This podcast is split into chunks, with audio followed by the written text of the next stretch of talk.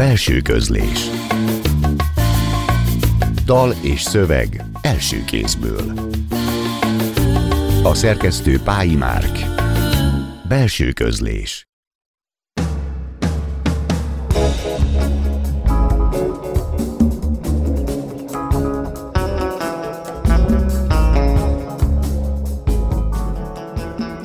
Jó estét kívánok! A Klubrádió zenés irodalmi műsorának mikrofonjánál Szegő János köszönti Önöket. Ebben a műsorban általában megszokhatták, hogy egy írót vagy egy költőt mutatunk be, aki beavat műhelyi munkájába, és a számára meghatározó zenéket is megosztja a hallgatókkal. Különleges adásunkban azonban két elhunyt alkotó életművét vizsgáljuk meg közelebbről. A 2007-ben elhunyt költőről Nagy Gáspárról Nagy Gábor irodalmárt kérdezem majd, előtte pedig a 2018-ban távozott felvidéki prózaíróról, Grendel Lajosról fogok beszélgetni, Szilágyi Zsófia irodalomtörténésszel. A két szerző között találni alkati párhuzamokat és jelentékeny eltéréseket is. Nagy Gáspár elsősorban költő volt, Magyarországon alkotott, a Léván született Grendel Lajos epikus volt, és egész életét a felvidéken, azaz előbb Csehszlovákiában, majd Szlovákiában élte le de közös pontok is akadnak. Mindketten a 80-as, 90-es években voltak a pályájuk csúcsán, mindkettejük írásművészete közös metszetbe került a politikával, és egy időben mindketten szerkesztők is voltak. Nem utolsó sorban pedig rendszerváltó értelmiségiek voltak, akikről manapság, amikor mind a rendszerváltás fogalma, mint az értelmiség státusz erősen problémás, kevesebb szó esik. Neveik valamelyest intézményesültek, de hiába lesznek belőlük utcanevek, újabb olvasatokra lenne szükség. A mai adás a közönség figyelmét szeretné fölhívni rájuk, fölidézni őket az utókor szereplői számára. Először Szilágyi Zsófi irodalom történésszel beszélgetek itt a stúdióban Grendel Lajos íróról. Köszönjük szépen Zsófi, hogy elfogadtad a meghívásunkat. Én köszönöm, hogy eszetekbe jutottam Grendel Lajos kapcsán. Grendel egyik paradigmatikus elbeszélése már címében is jelzi a lehatárolás és a meghatározás veszélyeit. Csehszlovákiai magyar novella, ez a művének a címe. Mégis mennyire redukció és mennyire dedukció Grendel felvidéki, vagy akár csehszlovákiai, szlovákiai magyar írónak nevezni? Hát itt már ez a három fogalom is jelzi, hogy mennyire nem egyszerű erről az egész kérdésről beszélni, és igazából furcsa módon még azt is mondhatjuk, hogy Grendel szlovák író is volt, tehát erről lehet, hogy majd kicsit érdemes is szót ejteni, hogy őt a szlovák irodalom részének tartják egy olyan ö, fordító társ állt mellé, Karol Vlahovski személyében, aki úgy tolmácsolta őt a szlovák közönségnek, hogy tulajdonképpen még ezt is mhm. mondhatnánk. Uh-huh. Tehát egyszerre van sok kontextusban, és egyszerre talán nincs egyikbe sem egészen a helyén.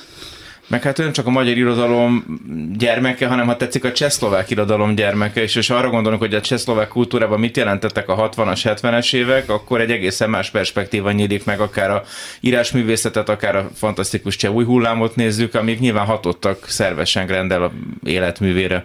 Igen, mert ugye hajlamosak vagyunk a határon túl irodalmakra úgy gondolni, hogy ők ott busonganak a határainkon túl, és ugye egy vágyuk van, hogy felénk írjanak, tehát hogy a nekünk Budapest írjanak. csillagot keresik az igen. Igen, és hogy ugye ide valahogy bekerüljenek, és sokkal kevésbé gondolkozunk azon, hogy milyen az, ha valaki ugye teljesen természetesen része egy másik kultúrának, például hatnak rá azok a szövegek, és az külön érdekes egy cseh-szlovákiai író esetében, hogy egyszerre a szlovák és a cseh, hiszen ugye Grendel csehül is tudott, tehát voltam annak tanulja egyszer, amikor mondta egy ilyen írótáborban, hogy hát kicsit szlovákos akcentussal beszélem a csehet, de hát ugye ugye két remek irodalmat olvasott tulajdonképpen, ráadásul nem csak irodalmat, hanem például irodalom elméletet, tehát az ő gondolkodására nagyon erősen hatottak, ugye azért a cseheknél mondjuk a cseh strukturalizmus, ott nagyon fontos értekezők is vannak, és mondjuk akár a politikai történéseket is, ő nem feltétlenül erre felé élte meg, tehát 68-at emlegette, de ugye a rendszerváltás is neki ott jelentkezett Igen. tulajdonképpen, és nem a mi rendszerváltásunkkal volt elsősorban elfoglalva. Bár sonyosak voltak ott azok Igen.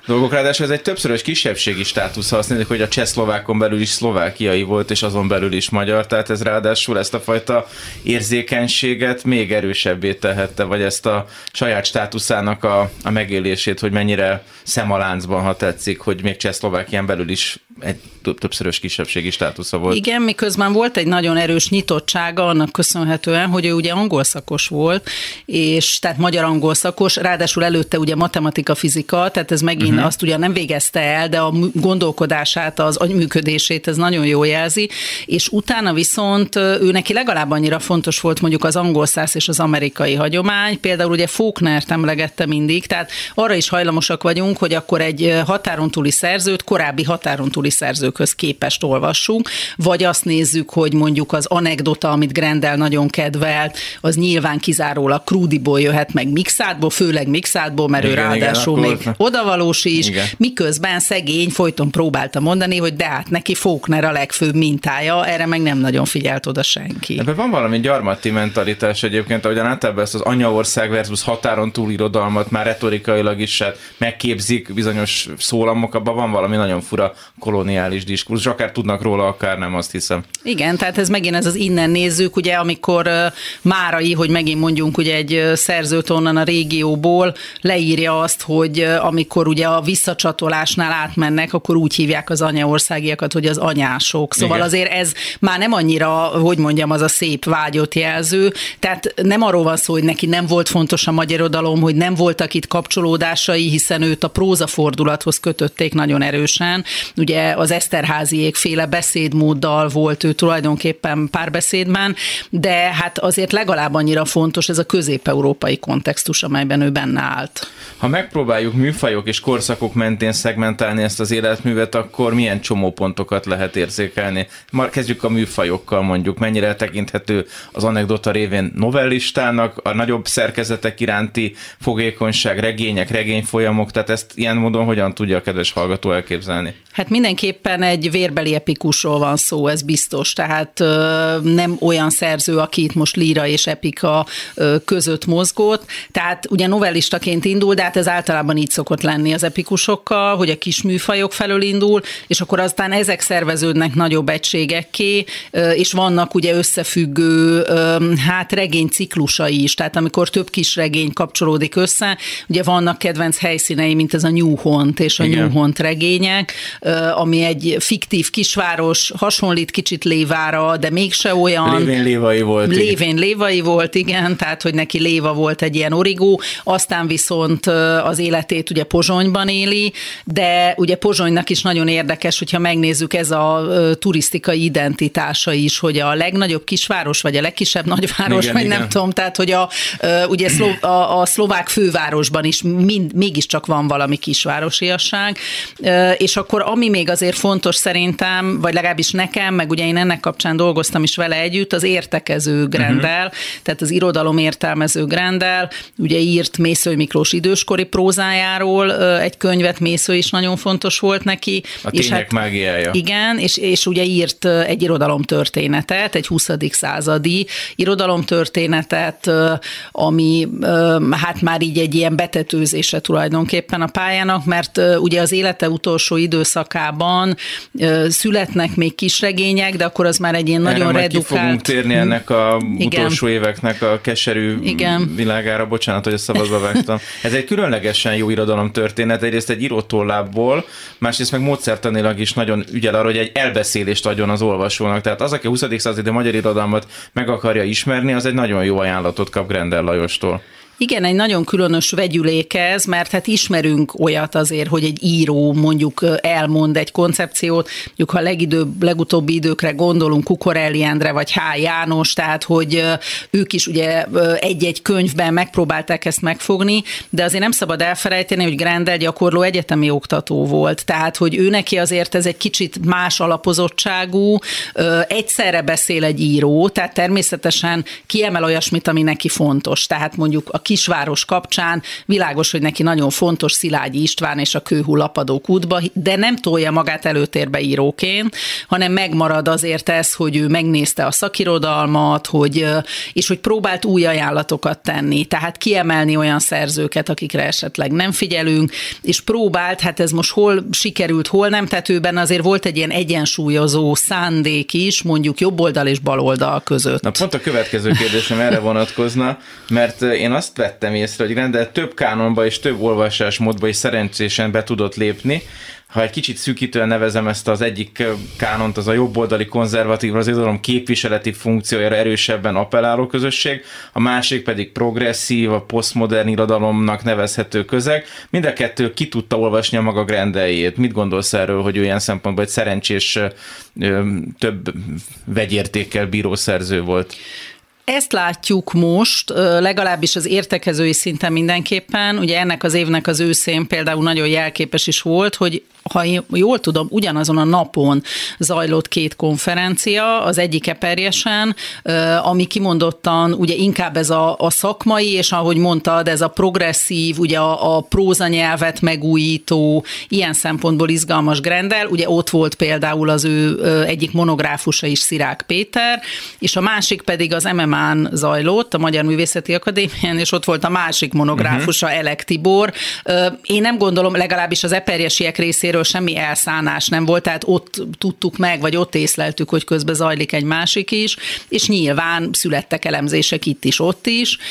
Az egy más kérdés azért, hogy Grendel az indulásnál azért sokkal közelebb állt ehhez a progresszív, posztmodern történet felbontó prózanyelvhez, később lezajlik egy, hogy úgy mondjam, klasszicizálódás, és ezért és hát is... akkor bocsánat, meg nem is volt még ilyen szembenállás sem a magyarországi, sem pedig a kárpát kárpát-medencei magyar irodalomban már, hogy jobb oldalról, bal oldalról nem lehetett beszélni, vagy egy egészen más ellenséggel, vagy ellenfélel szembeni írói republika volt inkább jellemző, de bocsáss meg, hogy szabadba vágtam. Igen, abszolút, tehát az indulásnál nem is, nem is ott voltak tulajdonképpen ezek a hangsúlyok, ahova később kerültek.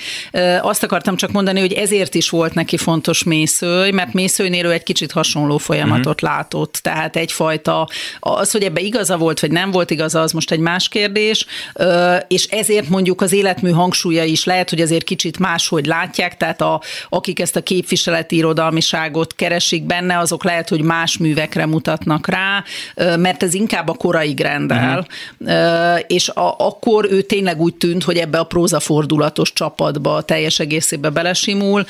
Ugye nem véletlen, hogy Szirák Péter írta róla az első kis monográfiát, tehát aki azért szintén ugye Kulcsár Szabó iskola tagjaként leginkább erre a prózanyelvre volt fogékony és érzékeny. És azzal foglalkozott azokban, hogy az úr tud-e szakszofonozni, vagy Igen. sem, ami egy nagyon szép eszterházi metafora. Amúgy Grendel mindig ez ezzel a képviseletiséggel azért ironikusan és önironikusan szeretett játszani, tehát mindig tisztában volt ennek a mandátumával, de egy kicsit ki is beszélt alól, én azt éreztem, hogy ez volt az egyik különlegesség. A másik meg, hogy akár Borhest veszünk, nagyon sok olyan impulzust ő fecskendezett be a kortárs magyar irodalomba, amit mások nem annyira tettek. Tehát az Eszterházi párhuzam nagyon megállja a helyét, azt hiszem. És mégis egy ponton nagyon más, hogy alakul a, kettő, a két pálya, és mintha a rendszerváltás, amihez nagyon kötődik Grendel is, valahogyan más röppájára vitte volna az ő munkásságát. Nem tudom, ebben mennyire van valami összefüggés. Hogy látod ezt? Hát itt azért biztos a helyzetével is összefügg ez, tehát nyilván más volt Budapestről nézni ezt a helyzetet, mint Pozsonyból,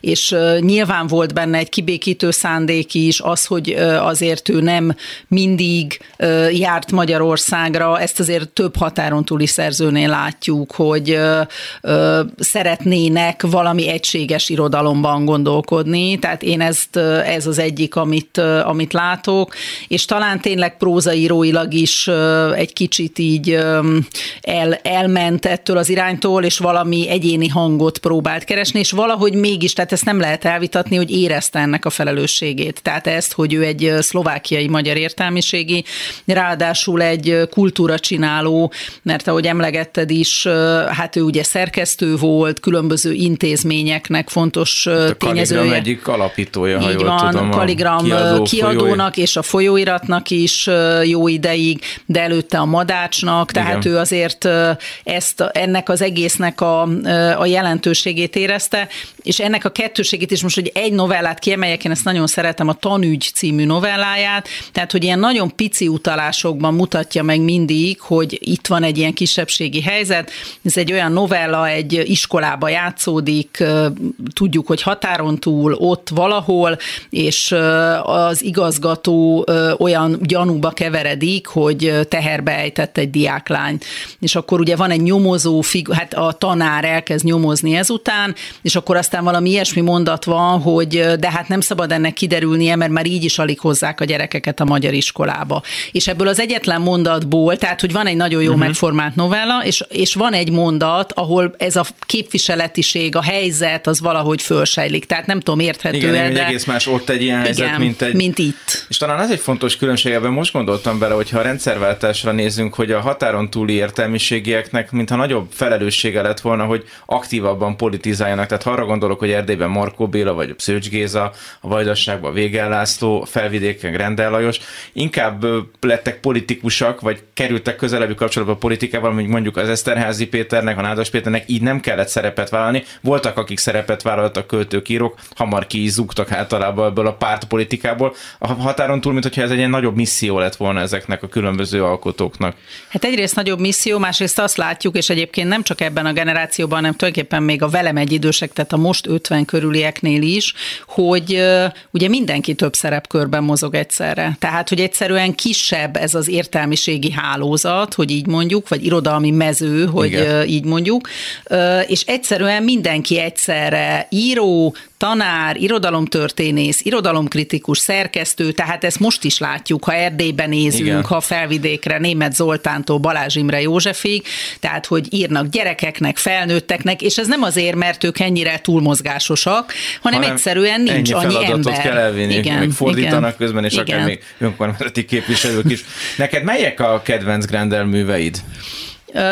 Hát ugye egyrészt én nagyon szeretem a novellákat, most ezen a bizonyos konferencián eperjesen én olyan novellákat próbáltam kiválogatni, ahol valahogy a kisvárosi és a kisvárosban fuldokló tanár figura mm. jelenik meg, mert hogy Grendelnek, hát hogyha most kell ilyen címkéket mondani, ugye főhelyszínként a kisvárost mondanám, és egyik fő témajaként a szabadságot. Tehát, hogy milyen lehetőségei vannak a szabadságnak, és hogy milyen az, amikor az a baj, hogy itt a szabadság. Ugye van neki olyan eszés, hogy a szabadság szomorúsága nem véletlenül, illetve hogy hogyan lehet egy ilyen kisváros abszurd helyszín, azt is őtőle ismerjük, ugye az abszurdisztán, igen, igen. hogy ami hát egy csodálatos... Rengetegen használnak, igen. anélkül, hogy tudnák valószínűleg, hogy most megtudhatják, hogy Grendel Lajos Grendel Lajos találta ki, hogy mi mindannyian abszurdisztánban élünk, itt Közép-Európában. Tehát nekem ez az egyik, ez a novella csoport, mm. és ez a kisvárosi novellák, illetve a Newhont regénye, legyenek. Ugye az, amit még talán, hogyha itt azt is szeretnénk, és szeretnénk azt hiszem, hogy legyenek új Grendel olvasók, hogy az is egy nagyon egyedi szín, a humora. Tehát, hogy Grendelnek egy ilyen nagyon sajátos, ironikus, szarkasztikus látásmódja van.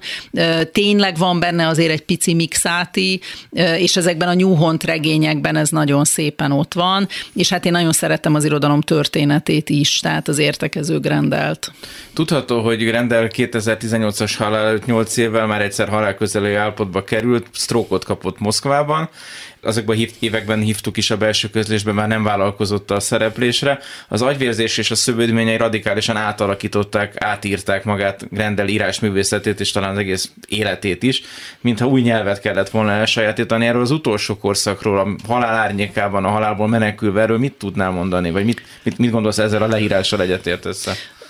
Hát ez olyan szempontból volt nagyon megrázó, hogy ugye én szerkesztőként dolgoztam vele ezen az irodalomtörténeten a Kaligramnál, és akkor mi ezt így lezártuk, és ő pont ugye ment ki Moszkvába, megjelent kint egy könyve, és még ott is segítettem, abba ismertem az akkori Magyar Intézet igazgatót, hogy kiusson, hogy lefordítsák, és akkor ott érte ez a stroke, és valóban ez egy nagyon súlyos stroke volt, tehát nem tudtuk, hogy visszajön-e belőle egyáltalán, talán nagy nehezen hozták egyáltalán haza, és hát tényleg az is döbbenetes, hogyha mondjuk egy színésszel történik, bocsánat, hogy ezt mondom, ugyanúgy beszélt a Lajos is utána, mint Kulka János. Uh-huh. Tehát én amikor a Kulkát hallom, akkor olyan, mint Lajost hallanám, tehát az a típusú afázia, hogy ugye visszajön a beszédkészség, de, de valami nagyon furcsa, ilyen rövidmondatos, ö, ö, egész sajátos kifejezésmódban, az közös, és hát itt egy íróról beszélünk, és ráadásul Grendel elfelejtette az idegen nyelveket, uh-huh. amelyeket nagyon jól tudott, tehát a magyar jött csak vissza, és nem jött vissza a szlovák, és nem jött vissza az angol,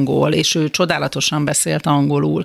Tehát, és aztán tulajdonképpen újra elkezdett írni, részben terápiásan is, de hát ez azért nem titok, hogy az utolsó könyveihez már nagyon komoly szerkesztői beavatkozás uh-huh. kellett, tehát tulajdonképpen ott a Kaligram kiadó Mészáros Sándor, az, hogy ezek a szövegek úgy kerüljenek az olvasók elé, hogy méltóak legyenek rendelhez, erre ő rájuk szükség volt, és, és ő azért visszament az irodalmi életbe, meg ment emberek közé, de nyilván egy nagyon nehéz helyzet lehetett, hogy hát nem azt tudta kimondani, amit ő belül gondolt. Ezt igazából, amikor a Kulka is beszél Igen. erről, az nagyon megrázó. És hiába próbálja a közeg ezt nem csak hogy tolerálni, mert ez nem jó szó, hanem így nem észrevenni. Nyilván az illető ezt észreveszi, mert egyébként meg szellemi képességei teljes birtokában van, és én nekem is volt ilyen helyzetem Lajossal, ha az megengedhető, ahol, ahol láttam ennek a feszélyezettségét, hogy, hogy nem mennek úgy a dolgok. De és ezek az utolsó könyvek nagyon izgalmasak ugyanakkor ezzel a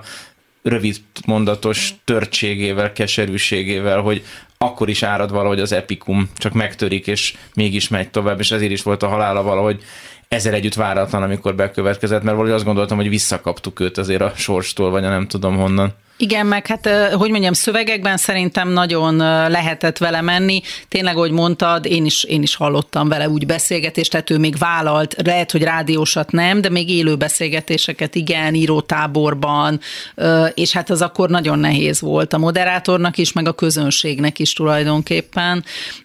Úgyhogy korán vesztettük el, mert hát még simán élhetne, ugye 75 éves lenne most, de tulajdonképpen ez az utolsó időszak, ez nyilván nagyon nehéz nehéz lehetett már neki.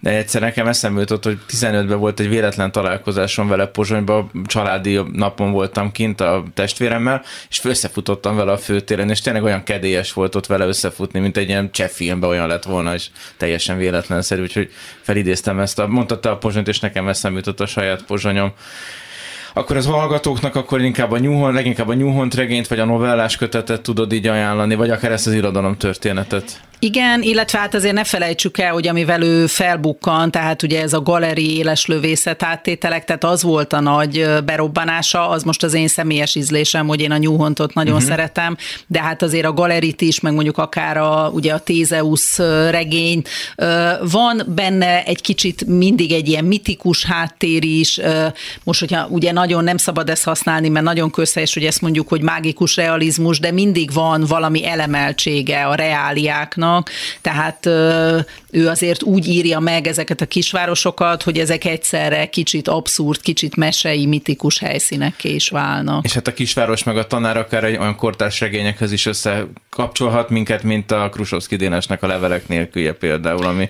szintén ezzel a többes, többes problémával foglalkozik, hogy szabadság, értelmiség, kisváros. Igen, ugye különböző korszakokban, Persze. de hát úgy látszik, hogy konstans ez a probléma. Köszönöm szépen Szilágyi Zsófi irodalom történésznek, tanárnak, ha még ezt a titulust is hozzátehetjük ezek után, azt hiszem a beszélgetésünkhöz, hogy itt volt, és kicsit felidézhettük Grendel Lajos alakját, és mindenképpen arra bátorítjuk az olvasókat, hogy menjenek és nézzék meg, vegyek kezükbe Grendel Lajos könyveit. Köszönjük szépen! Én is nagyon köszönöm a beszélgetést. Most pedig Nagy Gábor költőt és történészt köszöntöm a telefonnál, aki Körmendről, lakóhelyéről csatlakozik most a műsorunkhoz, és vele pedig a mai adás másik megidézett szerzőjéről, Nagy Gáspár költőről fogunk beszélni. Kezdjük kicsit személyesebben. Miképpen lett Nagy Gáspár életművének kutatója? Mik voltak ennek a szellemi találkozásnak a fontos állomásai? Ennek az első állomása 1998-ra tehető, amikor megkezdtem a doktori tanulmányokat a Debreceni Egyetemen, magyar kortárs irodalomból Görömbei András vezetésével, és akkoriban tanár úr, Görömbei tanár úr biztatott kritikai írásra, a hitelkritika rovatvezetőjeként közölt tőlem először talán Szepesi Attiláról írtam, aztán Tóth Erzsébetről, és talán ö, harmadik, negyedik kritikám életemben, de az a kortársban jelent meg, az Nagy Gáspár tudom, Nagy nyári délután lesz című kötetéről volt. Akkor még én keveset ö, tudtam a költészetéről, tanultuk persze az egyetemen Görömbei tanárúnál, és ö, magam választottam ö, témának. És ennek kapcsán aztán én 98-tól már Pesten éltem, találkoztam is ö, Gazsival többször, ö, majd én pestiként, budakesziként viszonylag élénk levelezést is folytattunk nagyon sokáig egymással. Később is, amikor én már Pestről elköltöztem, egészen a haláláig.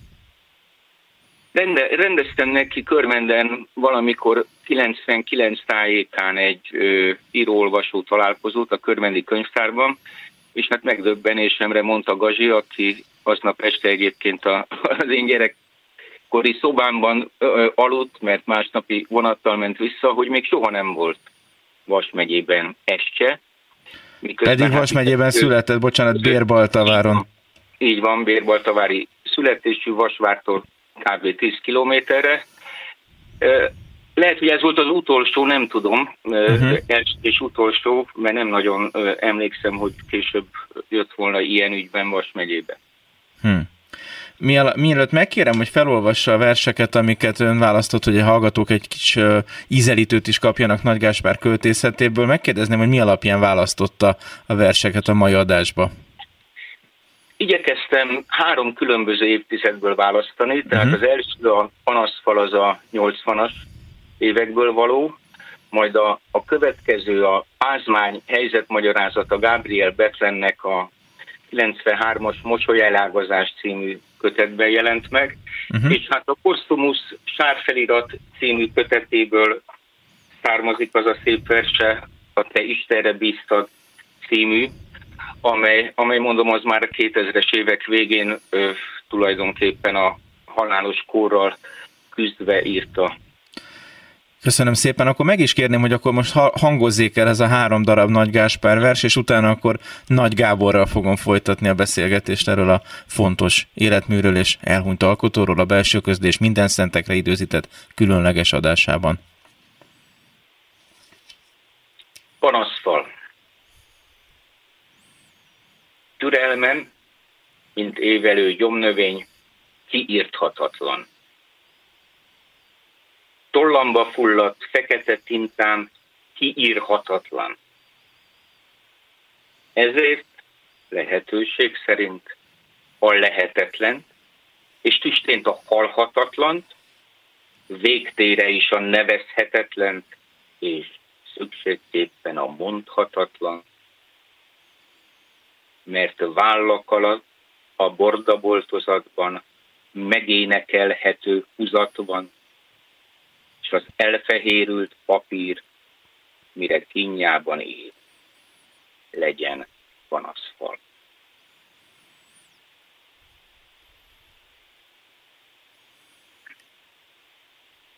Pázmány helyzetmagyarázata Gabriel Betlennek.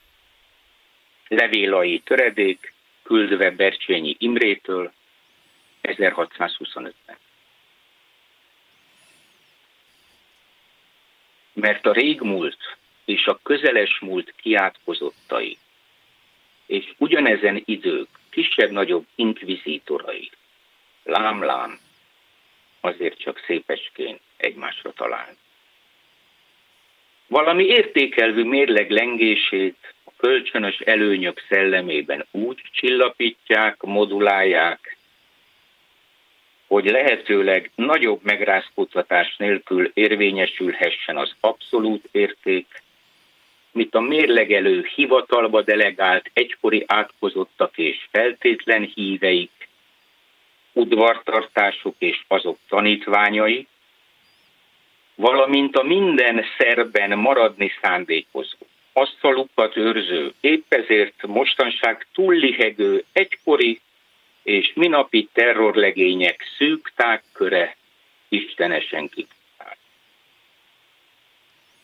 De viszonosan, akik ebbe a gyülekezetbe, harci csapatba nem törekszenek, avagy nem férhetnek, mert a mérlegen túlon túl lengedeznének, nehéznek és könnyűnek találtatnának, Azok bizony, nem én mondom, mert én hogyan is mondhatnám így, de széthordozták még a szellőcske fuvallatok is. Azok bizony röhös és csahos magyarok? Leginkább. Ezen erkölcs, melyre különös kényes ügyelnünk, és a terrorisztikus igehirdetés gőgje és fölénye, valamint ebből folyó természetes kizárólagossága már a lágyabb, tanácstalanabb hatalmi tényezők regnálása idején kezdetét vette, mert ők sejdítették az eljövő hamari időket. Amint látja, kigyelmed is, finom szókkal írom. Bizony, elönt bennünket a plurális unalom zajos diktatúrája.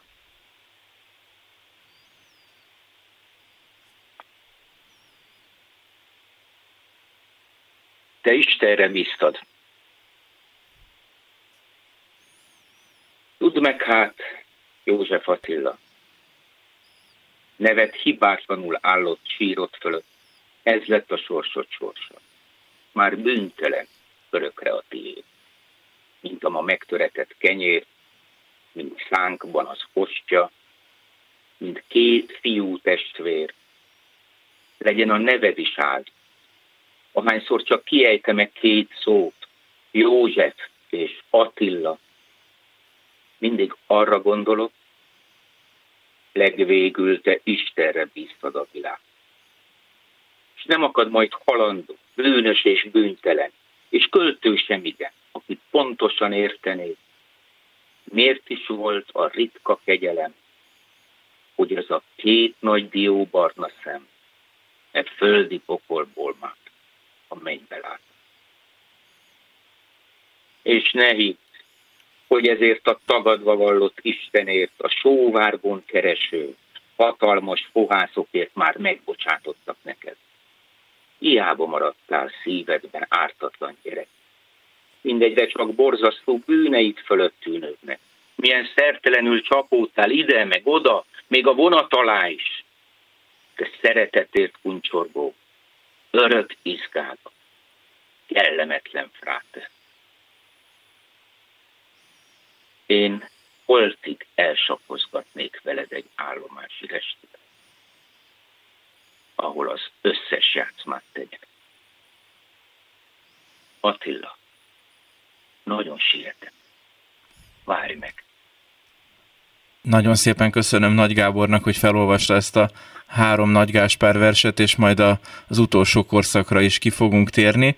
De most egy kicsit menjünk vissza az időbe, Mintha Nagy Gáspár személye, majdnem a legendárium szót használtam, elválaszthatatlan összefüggne a szerző Nagy Imre versével, örök nyár, elmúltam kilenc éves, és az azt követő politikai botrányjal. Hogyan jutott el Nagy Gáspár eddig az új forrás közlésig, és mennyire látja ön is ezt egy nagyon fontos origó, fordulópontnak, vagy kristályosodási pontnak? Ez az igazság, hogy Nagy Gáspár egész költészetét áthatotta a októberi forradalommal való foglalkozás. Tehát már a 70-es évek legelején írt olyan verset, amely ezzel foglalkozott, majd folyamatosan minden kötetében írta ugye egykor, hogy keresek egy felismerhetetlenre pofozott őszi hónapot. Ennek családi háttere is van. Egyrészt az, hogy, hogy Bérbaltaváron 56-ban a határon átmenekülők közül voltak, akik az ő házuknál álltak meg, és ő ott akkor 7 éves kisgyerekként hallgatta a történetüket, hogy miért kell világgá futni.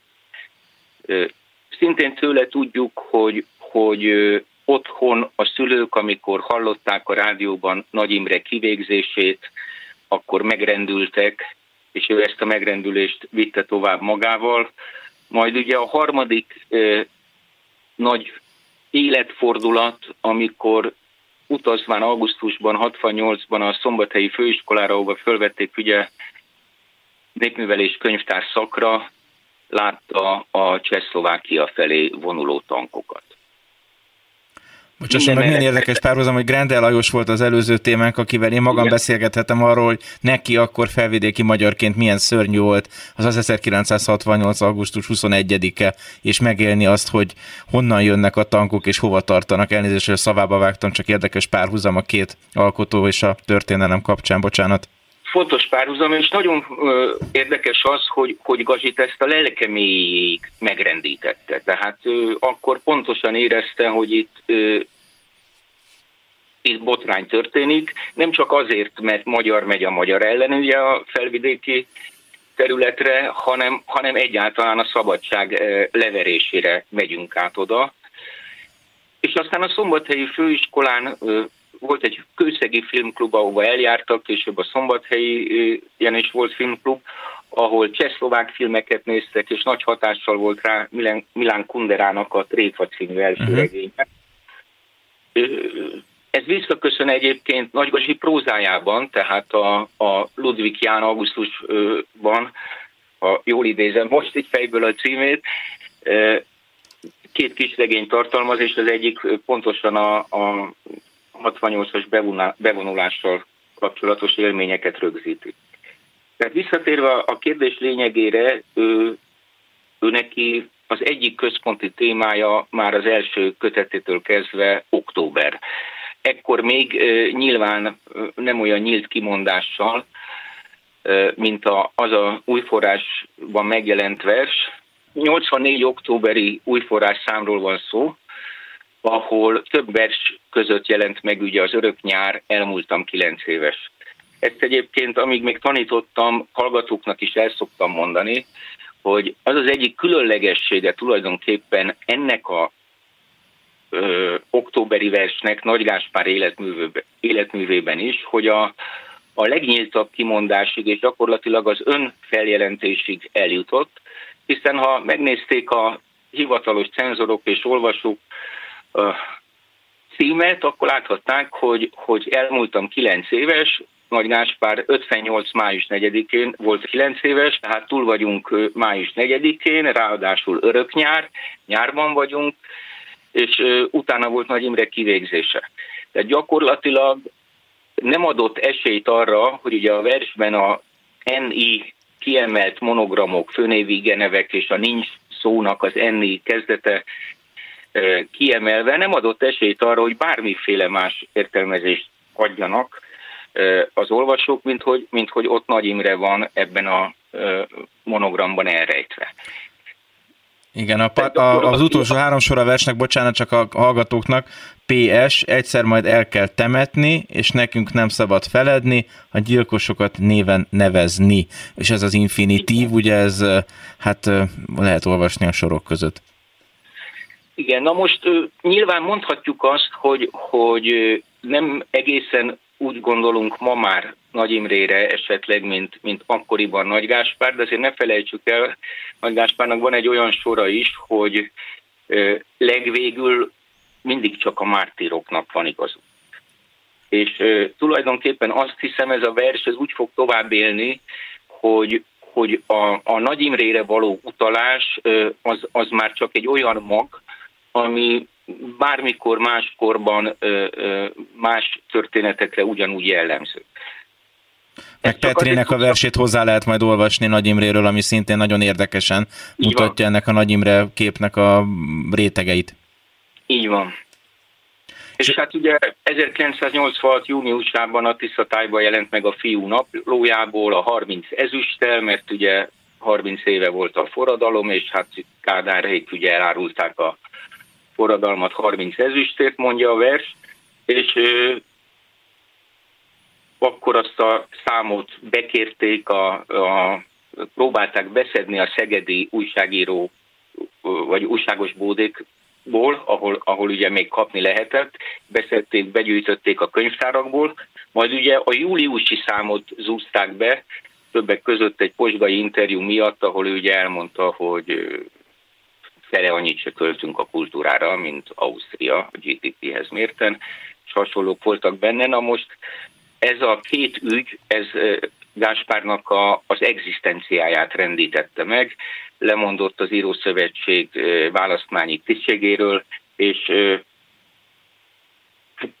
gyakorlatilag zaklatták is a családját, olyan is előfordult, hogy a lányát fekete autóval követték a, az iskolába, lehallgatták a telefonjait, fölbontva láthatóan, fölbontva, megcincálva érkeztek a levelei, és innentől kezdve szinte szabadúszóként próbált megélni egészen a Itel irodalmi folyamat indulásáig, ugye 88-ig, ahol ő alapító főszerkesztő. Ha már ezt hozza szóba, mennyire lehet szétszárazni Nagy Gáspár életművét tematikai, politikai és nem politikai dírára, illetve érvényesen Nagy Gáspárt katolikus költőnek nevezni a fogalom Pilinszki féle értelmében is akár. Tehát ezt a két nehezítő és olykor picit rátelepülő kontextust, ha megnéznénk közelebbről a politikát és mondjuk a katolicizmust. Az ő katolicitása szerintem valamelyest más volt, mint Pilinszki. Ő nagyon nagyra becsülte Pilinszkit. Ez az első versből, amit ön felolvasott, egy kicsit ki is hallható, anélkül, hogy ezt rossznak tartanám, azért egy picit hallani benne Pilinszki hatását. Én legalábbis halni véltem, bocsánat. Így van, egyébként nincs ezzel gond, Nagy Gáspár költészete ilyen szempontból szintetizáló jellegű, ő nagyon sokféle hatást magába szívott és átszűrt magán. Tehát akár ugye az indulást tekintjük a Kormos István, Nagy László, Jékeli Zoltán hatása, a későbbiekben Pilinszki, vagy ugye Nagy László fordításai nyomán Zbigniew Herbert, főleg a uh-huh. Pogító úr versek, ezeknek a ö, lecsupaszított, ö, ö, szinte deklaratív ö, poétikája is előjön nagyon sok Nagy Gáspár versben, tehát ő egy szintetizáló alkatú költő volt, posztmodern elemeket ugyanúgy épített be a költészetébe, mint főleg a kezdetben folklór, folklór népművészeti elemeket. Az ő, ő katolicizmusának volt egy szilárd pontja. Az, hogy ő, ő, ő rendíthetetlenül hit és uh-huh. hogyha mondjuk a sárfelirat posztumusz kötetét megnézzük, amelynek a versei nagyobb része betegsége idején a halálra készülővén íródtak, akkor azt láthatjuk, hogy, hogy a meghalástól tartott. Tehát ő tudta, ő úgy tudta, hogy a halál után ő, őt, őt fogadni fogják, és, és és örök élet lesz, viszont magától a, a meghalás tényétől, folyamatától tartott, nehezen mondott le az életről, hiszen ő egy életerős, életörömmel teli költő volt. Nagyon kevesen írtak egyébként annyi humoros verset a kortárs magyar lírában, mint ő, főleg a kortársaknak címzett különböző köszöntő versekre gondolok. És ezt a korai fájdalmas halál kicsit ki is takarja, úgyhogy jó is, hogy említi ezt a szegmensét is az életműnek, mert hajlamosak vagyunk ilyenkor egy picit feketébben olvasni egy életművet talán. Igen, igen. Na most visszatérve akár az ő katolicitására és közéletiségére, ez tulajdonképpen két olyan alap, amit, ami az ő egész költészetét meg, meghatározza. Tehát egyrészt ez, hogy, hogy egy transzcendens bizonyosságban él, és ebből, ebből nem enged. Egyfajta metafizikai kiteljesedés jellemzi az ő költői útját, tehát először még csak szakrális, liturgikus jelképek jelennek meg a verseiben, majd később ez a, ez a metafizikus bizonyosság tulajdonképpen a kegyelem állapotáig jut el a költészete során. Uh-huh. A közéleti költészetét tekintve, tehát a közéletiséget, ő, ő tulajdonképpen azt érte el, ahogy, ahogy többen is megírták róla, lerombolt egy tabut. Nem egy tabut, egyébként több tabut, hát a legfőbb ugye 56, a kimondhatatlanság tabuját. Tehát ahogy ő, ő maga is mondta egy interjúban, az ő Görömbei által rendszerváltó verseknek nevezett Öröknyár meg a fiú naplójából után nem lehetett többé úgy hallgatni a magyar irodalomban, mint addig. Igen, 1986 egy fordulópont volt, mert ebbe az évben írta le Nádas Péter az emlékiratok könyvébe, hogy forradalom Igen. volt 56, és meg is jelent egyébként. Ezt előtte nagyon sokan nem forszírozták. Elnézést, hogy a szavába vágtam megint. Igen, igen.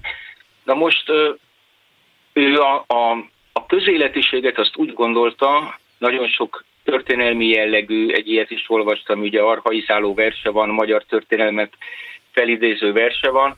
Úgy gondolta, hogy a múlt birtoklása, de legalábbis valamiképp újramondása, nem elfelejtése, az adja meg a, az otthonosságot a mindennapi létezésben. Tehát elhazudott múlttal nem lehet nyugton ülni otthon.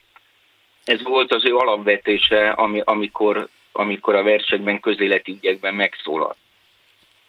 És milyen cezúrát jelentett? Pont emiatt kérdezem a rendszerváltás Nagy Gáspár életében és munkásságában, hisz 90 után egy új helyzet teremtődött, amikor a nyilvánosságban más szabadságfokkal lehetett dolgozni, tehát pont az a fajta radikalitás vagy bátorság, az mostantól kezdve nem volt szükségszerű, vagy mást jelenthetett. Tehát ön lát-e például cezúrát az életműben 90 után? Akár az életben, akár az életműben? Egyértelműen, hát gondoljunk arra, hogy 90 után két kötete jelenik meg, a Mosolyelágozás 93-ban, és a Fölös létem 94-ben. Ezeknek a, a, ennek a két kötetnek a java utazások, amerikai utazások élményeit eleveníti föl. Tehát egy, egy másfajta ö, líra, ugyanakkor már ezekben, itt például, amit felolvastam, a pázmányvers, az uh-huh. a mosolyelágozásból van, ezekben is vissza-visszatér a, a közéleti tematikához. Nagyon nagy csalódásként érte meg a, a rendszerváltozásnak a, az egész folyamatát. Emlékezünk arra, valamelyik versőben azt mondja, hogy már megnevezni ugye nem elég, de tulajdonképpen még a megnevezések sem történtek meg igazán a felelősöket illetően majd azt mondja, hogy, hogy másik versében arról ír, hogy együtt egymás mellett szavazunk a, a vérbíróval, a, a nem, nem így fogalmaz, de mert ugye ez Sóri Sándornak egy, egy fogalmazása, uh-huh. de Gáspárnál is visszatér a motivum, tehát hogy mindenki ugyanabban az egyen ruhában, vagy egyen öltözékben áldozat és, és egykori meggyötrője megy a szavazófülkékbe. Ezeket igen, nehezen viselte. De ugyanakkor a dacossága mellett egy nagyon erős, nekem úgy tűnik jámborság is volt benne, lehet, hogy nem ez a jó szó, de hogy olyan botrányok, félreértések, stb., amik más pályatársait hát érték vagy követték el, azoktól mentes volt az ő 90 utáni pályája is, ha, ha jól olvasom, tehát mindig volt benne valami tisztaság, azt gondolom, a politikával való találkozás mellett is.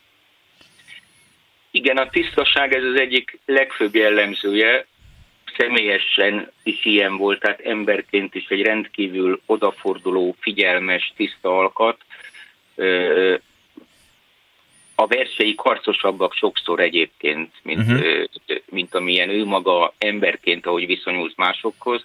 Ő az irodalom teljességében gondolkodott, tehát ők, ő, ő nem nagyon tudott mit kezdeni a különböző szekértábor harcokkal, ő mindent olvasott, és, és mindenkire odafigyelt. És hát ez az utolsó vers, amit felolvasott az utolsó korszakban, ennek az az erős József Attila allúzió, és mutatta, hogy egy mennyire tágirodalom és költészet fogalommal dolgozott, ez a Te Istenre bíztad, és nagyon szépen emeli be József Attilát ebbe a panoptikumba.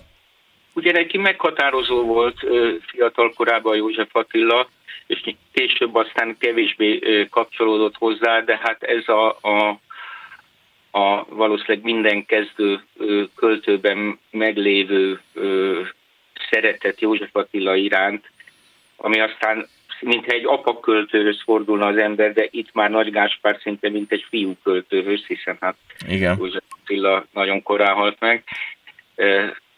Ez egy nyilván megszokott visszatérő gesztus a kortárs irodalomban, talán azt teszi számomra igazán izgalmassá ezt a verset, hogy, hogy, hogy a, a készülődés pillanatában íródott, amikor, amikor már tudta, hogy, hogy nem sok van hátra. Igen, és sokáig volt beteg, és lehetett is tudni az ő halálát, tehát ilyen szempontból erre volt ideje is készülni. Talán nem tudom, az ön utolsó találkozása például, ha ez nem egy túl intim vagy személyes, akkor megkérdezném, milyen, mikor és hogyan volt Nagy Gáspárral. Hát a betegsége idején személyesen nem találkoztam én már vele, mert Vasszéchenyben éltem, uh-huh. De föl ö, vizsgáztattam, szigorlatoztattam szombathelyen, és a lenémított telefonom láttam, hogy, hogy hívnak, ránézek, Nagy Gáspár. Mi nem szoktunk egymással telefonálni, meg volt a telefonszáma, és hát amit nem nagyon lehet szigorlaton csinálni, mert tudtam, hogy ha ő hív, akkor ö, valami fontos van, és mondtam a hallgatónak, ne haragudjon, egy perc szülelmét kérem, mindjárt visszajövök. Kimentem, a kórházból hívott, elmondta, hogy mi a betegsége, ez van, megpróbál gyógyulni, sok remény nincs, de teljesen természetes, nyugodt hangon én megdermedve fogtam a telefont, és mentem utána vissza szigorlatoztatni. Köszönöm, hogy ezt is elmesélte, vagy elmondta. Az utolsó kérdésem az a, arra vonatkozna, amit a felvezetőmben találtam mondani, hogy Nagy Gáspár körül hiába az intézményes emlékezet, inkább hallgatás felejtés van. Ha csak abban gondolunk bele, hogy az idén januárban elhunyt Tamás Gáspár Miklós mellett korábban a magyar nyilvánosságnak egy másik fontos gazsia is volt, Nagy Gáspár, akkor nem tudom, mit gondol erről a perspektíváról hogy van egyfajta felejtés is körülötte, miközben az emlékét például ön is, az önök alapítványa is nagyon szépen ápolja egyébként. Igen, épp ezt akartam mondani, hogy mi, amit lehet, megtehetünk. Ugye Bérbaltaváról létrejött a Nagygáspár emlékház a szülőházból, ott van egy udvari pajta is, ahol rendezvények voltak, idén is több rendezvény volt. Gyakorlatilag a halála óta két válogatott verses kötet jelent meg, az egyik, egyiket Pécsi Györgyi szerkesztette, a másikat én, javítva kiadták a, a összegyűjtött verseit, a katolikus rádió két CD-t adott ki a saját versmondásaiból, tehát amikor a saját verseit elmondja, vagy száznál több verset, utána a maradékból még én szerkesztettem egy CD-t örökölt kert címmel, ahol szintén Gazi mondja a verseit, tehát az alapítvány megpróbál mindent. Nem baj egyébként, hogyha a irodalmi nyilvánosság tágabb fórumaiban olykor van egy kis csönd. Én ezt már Baka Istvánnál, aki költőként a mesterem volt, megtanultam, hogy, hogy ezek az időleges csöndek csak jót tesznek a, a költői életműnek, és előbb-utóbb friss és új hangok szólalnak meg. Én ebben bízom, jönnek majd új egyetemisták, akik újra előveszik az ő költészetét, és valószínűleg izgalmas, újabb szempontokat fognak fölvetni. Nagy Gáspár költészetét én nem féltem, maradandónak tartom, és egyik legizgalmasabb színnek a 80-as, 90-es, 2000-es évek költészetében. Azt külön köszönöm, hogy megemlítette Baka Istvánt is, hisz egy másik nagyon fontos költő, aki fájdalmasan fiatalon távozott, és életműve viszont itt van számunkra, és tényleg az egyik legeredetibb és legnagyobb alkotója volt a 20. századi magyar költészetnek, úgyhogy a kedves hallgatókat arra bátorítom, hogy Baka Istvánt és Nagy Gáspárt is olvassák. Köszönöm szépen Nagy Gábor költőnek, irodalom történésznek, hogy itt volt, felolvasott néhány nagyon szép és fontos Nagy Gáspár verset, és beszélgethetünk erről a fontos életműről. Viszont hallásra! Köszönöm szépen, viszontalásra. Ezen mai adásunk végéhez értünk. Az adás első felében Szilágyi Zsófi irodalom történésszel beszélgettünk Grender Lajos íróról. Én most megköszönöm a figyelmüket, búcsúzom a hangmérnök Horváth Ádám nevében is, további szép estét kívánok. A műsorvezetőt Szegő Jánost hallották. Belső közlés Dal és szöveg első kézből A szerkesztő Pályi Márk Belső közlés